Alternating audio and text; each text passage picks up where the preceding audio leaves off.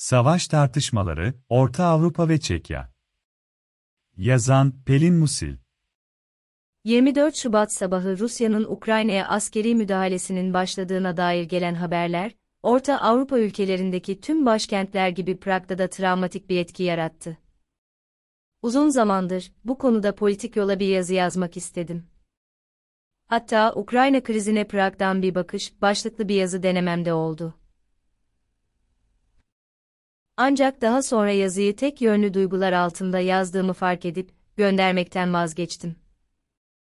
Yazdığım yazının Türkiye'de yanlış anlaşılabileceği kaygısını taşıdım. Yanlış anlaşılma kaygısı önemli ve öğretici bir kaygıymış. Bu sayede Türkiye'deki ve Çekya'daki savaş tartışmaları arasındaki farklara odaklanmaya başladım.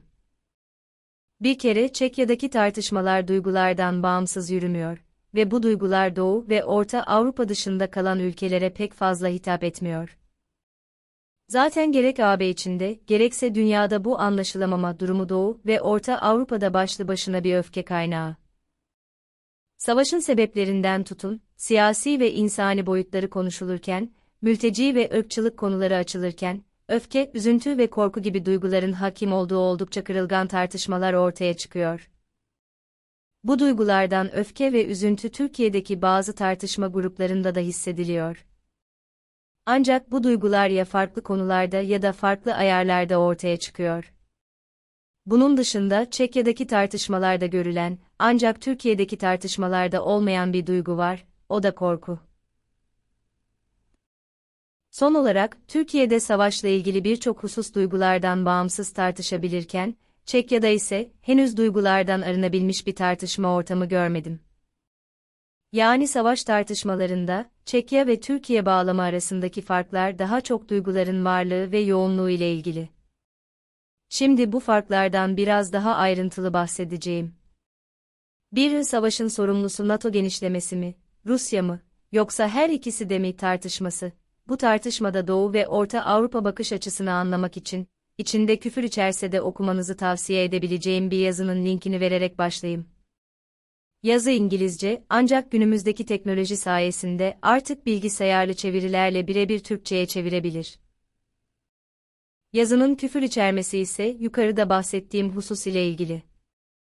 Doğu ve Orta Avrupa'daki tartışmalar duygulardan kopuk yürümüyor, yürüyemiyor. Savaşın sorumlusu o taraf mı, bu taraf mı, yoksa her ikisi de mi sorusunu bir tartışma sorusu olarak ortaya attığınızda, işte bu yazının içerindeki gibi büyük bir öfkeyle karşılaşıyorsunuz.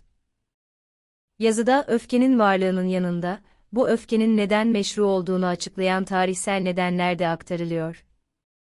Peki bu tartışmanın Türkiye'deki tartışmalardan farkı nedir? Fark şu, Türkiye'deki tartışmalarda liberaller ve solcular adı altında belirginleşen iki karşıt grup, burada Batı Avrupa solcuları ve Doğu Avrupa solcuları olarak karşımıza çıkıyor. Yani savaşın asıl sorumluluğunu NATO genişlemesine değil, Rusya'ya yükleyen, yazarın kendisinin de dahil olduğu, grup Doğu Avrupa solcuları grubu. Sorumluluğu aslen NATO'ya veya hem Rusya'ya hem NATO'ya yükleyen grup ise karşımıza, Batı Avrupa solcuları olarak çıkıyor. Yani, Türkiye'deki tartışmada kendini solda gören ve NATO'yu eleştiren grup, Batı Avrupa solcuları ile hemfikir iken, Doğu Avrupa solcuları ile tamamen zıt kutuplarda yer alıyor. 2. Mülteciler ve ırkçılık tartışması. Orta Doğu ve Afrika'dan gelen mülteciler konusunda son derece tutucu olan Orta Avrupa ülkeleri, Ukraynalı mültecilere kapısını koşulsuz bir şekilde açma kararı alınca, ırkçılık tartışmaları Türkiye'de de epey ivme kazandı. Doğrudur, bu ülkelerde ırkçılık var. Özellikle Polonya, Çekya, Slovakya'da tarihten gelen bir İslamofobi söz konusu, kamuoyu araştırmaları bunu gösteriyor. Bu ülkeler 2015 göç krizinin başlaması ile AB içinde mültecilerin kendi topraklarına girmesine şiddetle karşı çıktılar. Bu ülkelerdeki solcu gruplar, bu tavırlarından dolayı kendi hükümetlerini ağır bir şekilde ırkçılıkla suçlamışlardı. Yakın zamanda, Polonya-Belarus sınırında yaşanan insanlık dramı da bu aynı öfkeyi tekrar tetiklemişti.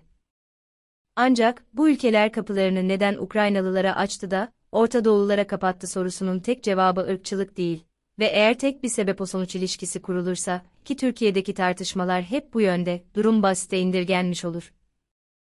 Bu sorunun diğer olası cevapları için konunun uzmanından Twitter'da yayınlanan şu zinciri okumanızı tavsiye ederim, yine İngilizce.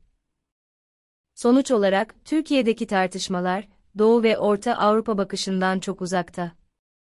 Bu ülkelerde yaşayan insanlar, Rusya'yı varoluşsal bir tehdit olarak görüyorlar, korkuyorlar ve bu yüzden Ukraynalılarla herkesten çok daha fazla empati kurabiliyorlar. Öyle ki şu aralar, bu savaşın sorumlusu kim ya da neden bu kadar ırkçısınız tartışmasına giremeyecek kadar dolular. En azından Çekya'da durum bu.